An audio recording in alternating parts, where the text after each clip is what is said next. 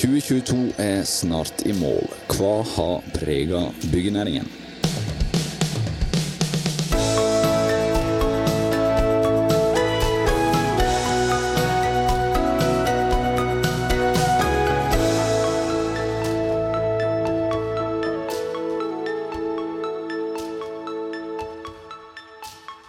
Hei og velkommen til en ny episode av Byggeplassen. Jeg heter som vanlig Frode Aga, og i dag så skal vi se litt tilbake på det året som har gått. Og så skal vi snakke om noen av de sakene som har prega byggenæringen, og spaltene på bygg.no og i bladet vårt Byggeindustrien i 2022. Vi skal i tur og orden få inn noen av de journalistene som har fylt spaltene eh, våre med saker. Men først så skal sjefredaktør i Byggeindustrien Arve Brekkhus få lov å si noen ord. og det er ikke noe tvil om at det er én ting som virkelig har satt sine spor i år, eh, og det er en krig. Eh, krigen i Ukraina. Eh, hvordan har den påvirka byggenæringen?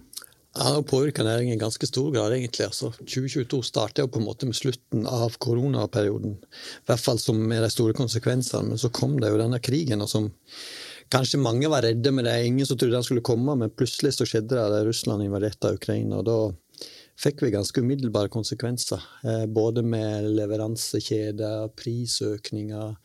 Strøm, strømprisen gikk jo rett opp som følge av gass- og, og oljeleveransene som uteble fra Russland. Så nei, det har preget byggebransjen i stor grad, mer enn koronaperioden, egentlig. Hva slags effekter får det, da? Alt er jo blitt dyrere, da. Eh, ting av byggevarer blir dyrere. Tjenester har faktisk blitt dyrere på, på ulike måter òg. Det har vært vanskeligere å få tak i folk.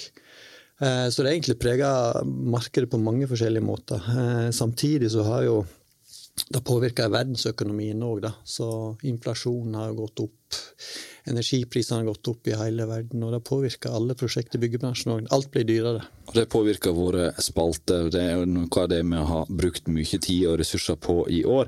Men så ser vi at eh, når ting skjer, så finner bransjen nye veier. og Det samme skjedde jo under korona, at en omstiller seg og mm, gjør grep. Som, og, og, Hvordan er status i dag, da?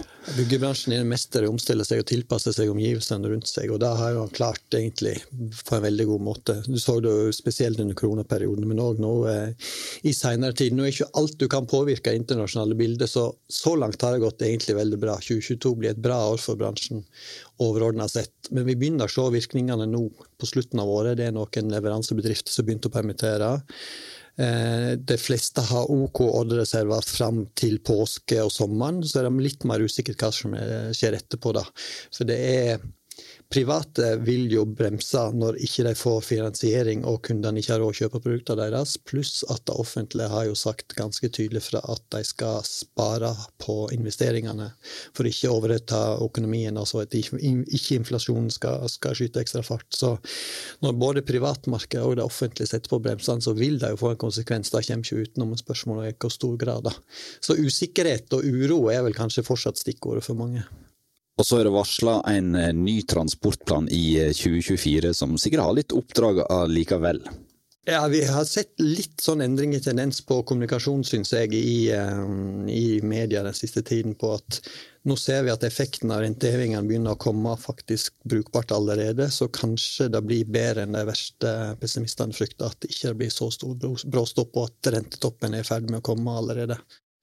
Ok, men eh, hva har vi bygd da eh, i året 2022? Hva er det som står igjen av byggeprosjekt og anleggsprosjekt? Vi har bygd veldig mye i bransjen dette året. Da. Vi har jo nettopp fullført eh, den store blekka vår der vi presenterer det ferdigstilte prosjektet inneværende år. og Der er det jo veldig mye spennende prosjekt. Det er jo en del store prosjekt som åpner på, på tampen her òg. Eh, Follobaneprosjektet har jo nettopp åpna, f.eks. Vi har hatt eh, store bygg som Nasjonalmuseet. Vi har hatt prosjekt over hele landet, typ Nordøyveien, som har vært et stort, viktig prosjekt i den Nordvestlandet, den delen av landet. Så det, det som preger byggenæring, syns jeg, og er så gøy å jobbe med byggenæring, er jo at det skjer ting overalt hele tiden. Det åpner store og små prosjekt, og felles for alle prosjekt er jo at det ene prosjektet er jo kjempeviktig for de personene som blir berørt av det, uansett om det stort eller lite. Du nevner så vidt eh, Follobanen her, og det er jo et av de prosjektene som vi har fulgt, eh, fulgt ja, veldig tett i, i, mange år. og I år så kom altså dette prosjektet i mål, ett år senere enn planlagt, riktignok. Eh, men eh, 11.12. så gikk det første toget gjennom Blikstunnelen. Og prislappen på prosjektet har òg blitt dyrere enn eh, det en så for seg i begynnelsen. 36,8 milliarder kroner er det som blir sagt nå som eh, kostnaden på prosjektet. og ja, eh, det skal altså ta 22 minutter og kutte det ned til 11 minutter på reisetiden mellom Ski og Oslo. Da må jeg spørre, er det verdt det? Det er jo et litt vanskelig spørsmål, egentlig. For det er jo fryktelig mye penger, så du kan jo potensielt ha brukt på andre ting. Eh, nå var jo ikke det prosjektet så dyrt i utgangspunktet, så det har kommet til ganske mye underveis som vi har skrevet mye om. Men jeg tenker overordna sett det viktigste for Stor-Oslo er å bygge gode kommunikasjonslinjer og ikke minst, eh, minst eh, offentlig, offentlig, transport. Og skal du få god offentlig transport inn og ut av Oslo, så må du bygge gode tog, eh, togstrekninger. Og jeg tenker at På et eller annet tidspunkt så måtte den komme. Så jeg, jeg syns det er verdt investeringen, men det er viktig å bruke den investeringen som staten har gjort med å bygge den toglinja og bygge Follo-området tettere til Oslo, at du bruker den investeringen til å utvikle Follo-området. Og Nordre Follo sier de har satt et tak på 400 leiligheter i året det de kan tåle med sin infrastruktur. De må jo bygge skoler og andre eh, infrastrukturgoder som skal komme de nye eh, beboerne til, til, gode. da. Eh, 400 boliger, eh, er det, er det nok? Det høres jo litt lite ut i den store sammenhengen når du tenker på hva potensialet som egentlig ligger der med at Oslo ligger ti minutter unna nå. Så burde dette være en kjempemulighet for Nordre Follo. Eh, jeg skjønner at det er komplisert og vanskelig å kanskje bosette flere enn, eller igangsette så mange prosjekt, men jeg tenker at med den muligheten de har fått nå, så burde de kanskje prøve å se om det finnes muligheter til å øke denne takten noe. Et område som ofte blir nevnt når Follobanen blir eh, snakka om, er et eh, område sør, for, sør, i Oslo som heter Gjersrud-Stensrud. Der er det faktisk planlagt 10 000 boliger, men det store problemet her det er at det ikke går noe kollektivtransport ut dit. Men under bakken, der suser Follobanen forbi. Og det snakket, har blitt snakka om i mange år fra bl.a. boligbyggersida at her burde vi hatt en stasjon. Og fortsatt så er det noen som ikke slipper den tanken helt, at de vil bore seg ned til Follobanen og koble seg på. Er det en realistisk mulighet, sånn som du ser det? Ja, nå er ikke jeg eh, ingeniør eller ekspert på de tingene der, men hvis det er teknisk mulig, så syns jeg det burde gjøres en skikkelig vurdering på det. Det burde vært gjort fra starten av. Jeg tenkte Follobanen har vært et kjempeprosjekt om vi måtte stoppe i to minutter ekstra. Så hvis det er teknisk mulig å få det til, og er innenfor rimelighetens grense i forhold til budsjett og penger, så tenker jeg det hadde vært et såpass bra initiativ at de burde ha sett på det for å kunne koble det området tettere til byen.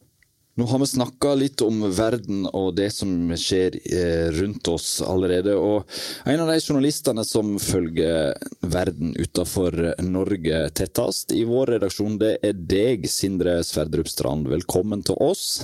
Takk. Ja, vi har eh, som sagt vært inne på det som rører seg rundt omkring. og Er det noen ting du har skrevet om som du tror eh, kan få innvirkning på norsk byggebransje? Altså, vi ser en voldsom utvikling i nye, mer automatiserte byggeprosesser som virkelig begynner å få fotfeste ute i verden. Og de kommer nok også hit. Um, I India har verdens første smarte malerobot for interiør blitt lansert. I Storbritannia har en sverm av roboter ferdigstilt en bit av en demonstrasjonstunnel. Riktignok ikke et smykke, men likevel. Um, vi får stadig nye og stadig større bygg og konstruksjoner tilvirka med 3D-printer. Eh, da er det primært betong som er byggemateriale, men i USA har vi også fått uh, verdens første 3D-printa hus i tre. I tillegg til nye teknikker forskes det også stadig fram nye materialer eller ny bruk av gamle materialer. Vi har fått uh, verdens høyeste bygg av hamp i Sør-Afrika, tolv etasjer. Et uh, høyt hus av hamp? Ja, slags, de, de, har lagd et slags massivt trematerial av hamp. Og i USA så har man forska fram eh, vaiere av hamp som et alternativ til stålarmering i betong. I Australia har forskere ved to forskjellige universiteter oppnådd gode resultater med bruk av gamle bildekk eller gammelt smittevernutstyr i betong. Eh, I Singapore har de utvikla biosement av industrislam og dyreurin. Og i Japan har de utvikla en biosement basert på matavfall. Så, Absolutt muligheter her, og noe av det kommer sikkert til å komme i byggenæringen her i landet òg, men kanskje ikke alt. Nei, eh, men, men ja, grensene flyttes i byggenæringa, og de flyttes over landegrensene også, kanskje hit. Og da må du si noe om hva er det som har vært de største grensesprengerne, da? Altså, I mars i år åpna verdens lengste hengebru i Tyrkia. Et hovedspenn på 2023 meter. I sommer mista Norge verdensmestertittelen på høye trebygg da Ascent i Milwaukee eh, ble ferdigstilt. Ikke hamp der, altså, men tre. Mer Tre. tradisjonelt. Mer tradisjonelt, eh, og med trebygg så har man jo også debatt om hva som er eh, hva av trebygg. Så byggerne av Mjøstårnet mener vel fortsatt at de har verdens høyeste trebygg. Men høyt er det i hvert fall. Og det er mange, mange som snuser på den tittelen også. Canada og Sveits har eh, planer ut, og i år kom også Australia og Zanzibar inn med planer om å bygge verdens høyeste trebygg. Jøss. Yes. Men eh, det aller største det ser ut til å komme i Saudi-Arabia. Vi er fortsatt på tre? Ikke hamp? Ingenting? Her Nei. er vi på eh, jeg skulle si tradisjonell bygging, men det er jo langt fra tradisjonelt. Når The Line skal bygges i Saudi-Arabia, verdenshistoriens største bygg. Det er snakk om to parallelle skyskrapere, 500 meter høy, men 170 km lang gjennom ørkenen. Ah. Eh, det, fikk, vi fikk eh, dronefoto som avslørte avslørt byggestarten på det i høst. Så det er ikke bare et eh, luftslott, det er et uh, gigantprosjekt Men da- uten like. Da lurer jeg på om det er det egentlig noe å juble for, eller? Nei. Eh, altså, det er imponerende, men det er altså, hvis, nok, hvis vi har lært noe av eh, VM i Qatar, er det at eh, når kjempestore prosjekter skal bygges i land med omtrent ikke-eksisterende arbeiderrettigheter og drepende ørkenvarme, så er ikke det gode nyheter. I tillegg så er det antagelig en miljøkatastrofe uten like som venter på å skje. Eh, og allerede så har en stamme fra det området her blitt tvangsflytta vekk fra eh, hjemmene sine for å gi plass til det utrolig store prosjektet. En eh, litt kaldere plass, da, eh, og litt nærmere oss, Island. For at du skriver jo om mange rare byggeprosjekter rundt omkring i hele verden, men du får òg reise ut på noen byggeprosjekt innimellom. Og Island, som nevnt, der har du vært. Fortell litt om hvordan det bygger vei på Island. Eh, islandske vegvesenet, uh, Vegagerðin, de har mange utfordringer å stri med. De har, uh, altså du har vulkanutbrudd som kan eh, Du kan få magma på veien. De kan ha jordskjelv opp til syv på Richter-skalaen, som kan ødelegge både bruer og veier, og alt må dimensjoneres deretter. Eh, vanninntrenging i tunnelene kan være kokende vann. Ja. Eh, og vulkanutbruddene skaper også enorme eh, smelteflommer når isbreer plutselig varmes opp av lava. Men dette her er jo eh, noen ting som er lett å se og føle på. Hvis du får kokende vann inn i en tunnel, så merker du det. Men det er jo andre ting som ikke er så lett å få øye på, kanskje. Uh, ja, de har også per def veldig skjulte utfordringer med det skjulte folket, huldufolk, og alver og dverger, nisser og troll, som også av og til må tas hensyn til. Uh, Og på hvilken måte tar en hensyn til alver og dverger når en bygger vei? I 2015 så måtte uh, Vegagerdin hente inn Islands største kran for å løfte 90 tonn, tonn tung eh, kampestein ut av veien da de skulle bygge en eh, ny vei gjennom et lavområde. lavaområde. Eh, det var mange eh, forskjellige grupperinger av eh, miljøvernere og slikt som protesterte mot veien, men ei lita gruppe eh, demonstranter var eh, kanskje litt mer spesiell. Du, jeg lurer på om vi skal ta oss og høre et lite klipp eh, fra da du var på, eh, på Island. Hva er det med Høyre her? Her hører vi eh, eh, Ragnhildur, eller Ragga som hun heter, som var en slags ambassadør for eh, alvene og huldufolket inn mot uh, Vegagerdin og myndighetene. One day, peaceful day, I was at home. Uh, my house filled with elves of various species, uh, Hildefolk, and so many dwarfs. Um, and they asked me to come to this lava field. I knew the lava since I was a kid. We always went there to pick berries in the autumn and, and go there to find the spring. uh, and so I went out there, but in a place that I had not been before. You know, it's a, it's a big lava field. Mm. I had not been in this part before. And they showed me, I had no idea why, why I was called there. They showed me this big elf uh, church.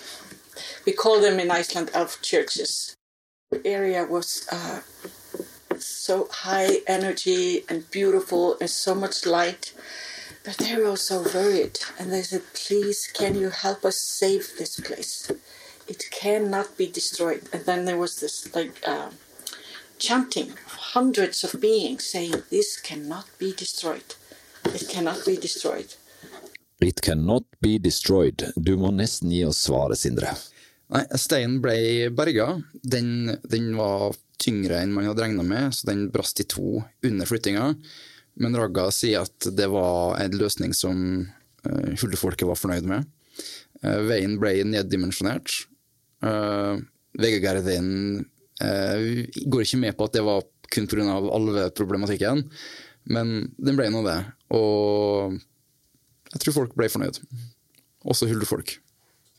Ja, det er mye spennende som skjer på Island og i andre deler av verden, som vi har hørt, men vi må komme oss tilbake til den norske byggenæringen. En av de tingene som har vært en utfordring for næringen i 2022, er knapphet på arbeidskraft.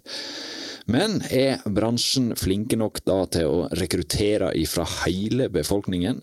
Det ønskte byggeindustrien å finne ut av i starten av året, og en av journalistene som sto bak en stor artikkelserie om mangfold, det var du, Svanhild Blakstad. Eh, jeg lurer på, kan du si først og fremst, hva er mangfold, da? Ja, ofte blir mangfold nevnt i forbindelse med kjønn og etnisitet, men det er jo mye mer enn det. Lovlin Brenna, som er ekspert på mangfold og grunnlegger i SEMA, Senter for mangfoldsledelse, sa i intervjuet med byggeindustrien at mangfold rett og slett er alle mennesker på jorda. Altså Vi utgjør et mangfold pga. ulike kjønn, alder, legning, personlighet, familiebakgrunn evner, oppvekst, utdanning og arbeidserfaring. Men eh, når vi snakker om mangfold i arbeidslivet, da, og i vårt tilfelle bygg og anlegg, så blir det jo mye snakk om kjønn, siden den er så mannsdominert. Men det handler jo om at det skal være plass til alle. Og Brenna, da, som er virkelig en ekspert på det feltet, her, hun sier jo i intervjuet at uh, gevinsten ved mangfold kan hentes ut når alle i en organisasjon er trygg nok til å bringe eh, hele seg sjøl og sin innsikt og sine erfaringer med. Og Når det gjelder mangfoldsledelse, så handler det om at man ser på ulikhetene som en styrke og et konkurransefortrinn. Og så er du litt inne på at mangfold er så mye mer enn kjønn og etnisitet. Og vi etterlyste personer og snakka med i forbindelse med noen artikkelserien her, og kom inn masse tips. Klarte ikke å gå i dybden på alt, men vi fortalte nå en del historier om mangfoldet som er i næringen. Og kan ikke du fortelle litt om noen av de personene vi møtte? Ja, eh, vi møtte Thomas Jacobsen. Han jobba som eh, gravemaskinfører hos eh, Isaksen anlegg. Han er lam fra livet og ned etter ei ulykke som han hadde i ungdommen, og han sitter i rullestol. Men det hindrer jo ikke han i å jobbe ut på anlegg. Så vi dro og besøkte han på Ulven i Oslo, hvor han var i full sving. Og han var også gjest i vår mangfoldspodkast eh, litt senere, da, hvor han fortalte om sin eh, arbeidshverdag. Og beviste at det går helt fint an å kjøre gravemaskin sjøl om beina ikke virker. da.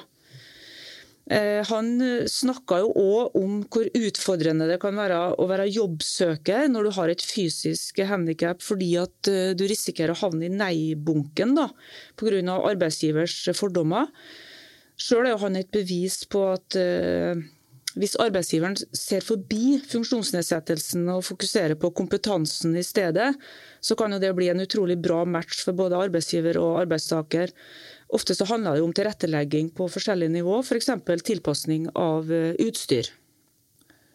Ja, og ja, selv om mangfoldet som du har vært inne på, er mer enn kjønn og etnisitet, så, så vet vi at byggenæringen er veldig mannsdominert. Så vi kommer ikke utenom det heller. Og hva kan du si om status da på, på mangfoldsida blant, eh, blant entreprenørene?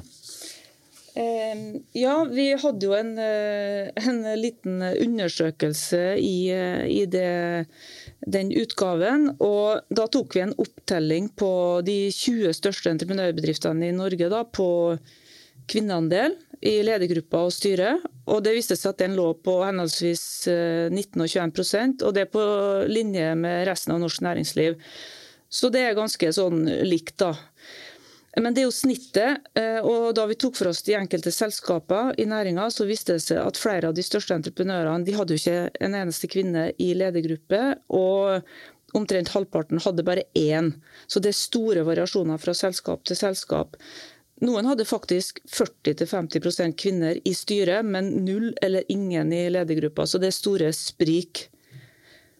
Store sprik, og eh, jeg vet det blir gjort mye arbeid for å tette det spriket. Og det er en organisasjon jeg vet som, som jobber med dette i eh, bransjen, Diversitas.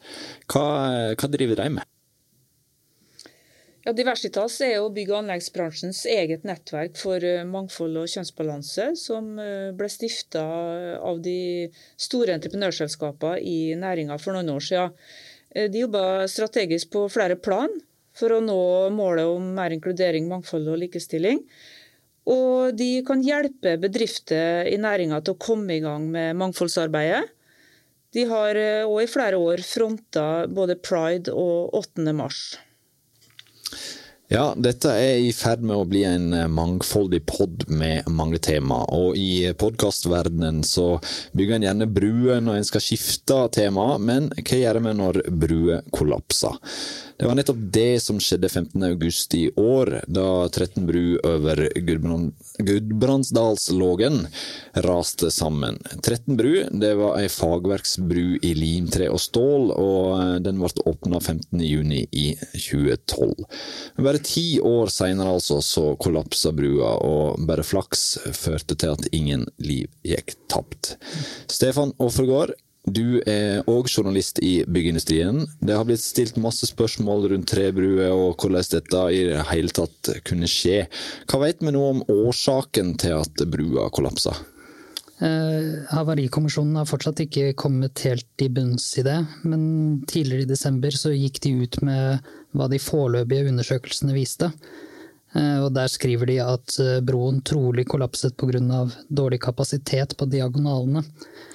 Kapasiteten på diagonalene i hovedspennet var halvparten av det den burde vært da broa kollapset. Og Vegvesenet sier også at det stemmer med deres vurderinger. Men uh, det endelige svaret er ikke helt i mål, og mm. uh, Havarikommisjonen skal komme tilbake med en endelig rapport. Men mm. når ei bru kollapser, noe som skjer da med jevne og ujevne mellomrom, så har Statens vegvesen en egen bruberedskapsenhet. Mm. Denne enheten her, den har du blitt litt bedre kjent med? Mm. Ja, de, de, rykker ut og monterer midlertidige broer over hele landet. Eh, det er mest planlagte prosjekter, men andre ganger må de erstatte broer som plutselig svikter, eller blir ødelagt av f.eks. flom eller uvær eller, eller andre ting. Da hiver de seg rundt og monterer disse broene i rekordfart. Og rekordfart, hva er det? Eh, de fleste tar bare rundt en uke å montere, men eh, det varierer veldig. Det kommer an på hvor store de er. Noen ganger tar det mange uker, andre ganger bare en dag eller to. På Tveitbro, som jeg var på i Vang, den ble montert på fire dager, og så demontert igjen på to dager. Ja, og eh, hvordan, en, en sånn brukollaps, hvordan påvirker det en, denne enheten sin hverdag, da? Eh, etter brokollapsen ble 14 fagverksbruer stengt, og ved to av dem ble det satt opp midlertidige broer. Eh, det var Tveit bro i Vang, eh, der jeg var, og Moenbekken bro i Fredrikstad. Den ble ikke tatt i bruk pga. dårlige grunnforhold. Og nå skal det jo bygges midlertidig bro på 13 også, så da, da blir det nok de som får jobben med det også. Ja, og da lurer jeg på hvor, ofte er det en sånn enhet eh, rykka ut på, på oppdrag, da? Eh, De har i snitt rundt 40 oppdrag i året, men det varierer veldig. Eh, Lederen for bruberedskap sa at det kan være alt fra 20 til 60 oppdrag. De aller fleste planlagte bruer, f.eks. på vei- og baneprosjekter. Eh, De har bl.a. satt opp midlertidige broer på Lysaker, hvor E18 bygges om. Men så rykker de også ut da, på uforutsette hendelser, og det er rundt ti slike hendelser i året. Ja, ti, ti uforutsette hendelser. Men, Ja. Så eh, det høres jo Når de skjer, så høres det i hvert fall uforutsigbart ut. Hvordan beskriver de som jobber med dette her sjøl sine arbeidsdager? da? Eh, Han byggelederen som jeg snakket med, han sier det ofte er hektisk, men at eh, det går i bølger. De har rolige perioder også, men de må jo være litt på. Eh, Og byggelederen han sa også at eh, det blir en livsstil. Han hadde drømt med det i 30 år, og han syntes fortsatt det var like spennende. Ja, da har vi fått et eh, lite innblikk i hvordan 2022 har vært i næringen både her hjemme, men òg i utlandet. Så da er det på tide å eh, oppsummere litt, og da har jeg fått med meg Arve Brekkhus igjen, sjefredaktøren i Byggeindustrien. og ja, det, hvordan skal vi oppsummere eh, 2022 eh, her på tampen? Det har vært et år med mange overraskelser, egentlig. Det har vært året der kanskje mye snudde litt i bransjen. Der det meste egentlig har gått på skinn i lang tid. Så fikk vi en litt mer eh, stopp og uro. Ja, og tydelige signal fikk vi på det i vårparten, for i januar så skrev vi på byggeindustrien sin nettside bygg.no at Nye Veier de skulle sette i gang prosjektet i 2022 for 15 milliarder kroner. Og så noen måneder etterpå, i mai, stans i prosjektet til 11 milliarder. Og det, det er kanskje et bilde det, Vil 2022 stå igjen da som et år som et, er et endelig bevis på at ingenting vokser inn i himmelen, heller ikke i anleggsmarkedet? Ja, det kan du egentlig godt si. Anleggsmarkedet har jo vokst kraftig gjennom kjempemange år nå. egentlig. På de ti siste åra har det vel dobla seg minst, eh, det markedet der. Så at det skulle komme en utflatning på et eller annet tidspunkt, det var vel ikke veldig overraskende. Men 2022 vil definitivt stå igjen som året der anleggsmarkedet roer seg ned. At vi får ikke den kraftige veksten lenger. Det er fortsatt bra aktivitet, det skjer mye, så det blir vel mer flat utvikling på et høyt nivå, da. Og ikke at økningen eh, stopper opp, i hvert fall for nå.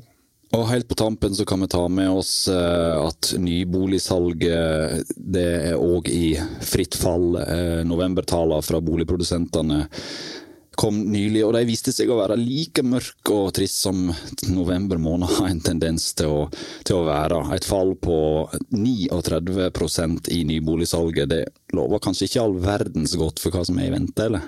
Nei, det var et kraftig fall. Vi venta vel at det skulle falle, falle i november òg, men det var et eh, veldig kraftig fall. Og når nyboligsalget faller så mye, så vil jo det slå ut på igangsettingstallene litt lenger fram i tid. Og da får jo det direkte konsekvenser for, eh, for bransjen. Da. Det, det er arbeidsplasser. ja, når det skal bygges mindre, så trengs det mindre folk og det trengs mindre materialer. Så da må det få konsekvenser. Så det er jo en frykt for permitteringer i deler av bransjen da. Jeg håper at eh, 2023 har en og annen overraskelse på lur, men at han denne gangen kanskje har et langt mer positivt eh, fortegn enn det vi har blitt vant til de siste åra når det gjelder overraskelsesmenyen. Så eh, da er det vel egentlig på tide å takke for følget i denne sendingen. Eh, takke for følget gjennom hele 2022. Vi er snart tilbake med nye episoder av Byggeplassen, men i mellomtida så må dere ha ei riktig god jul og et godt nyttår, og så sier vi på gjenhør i 2023.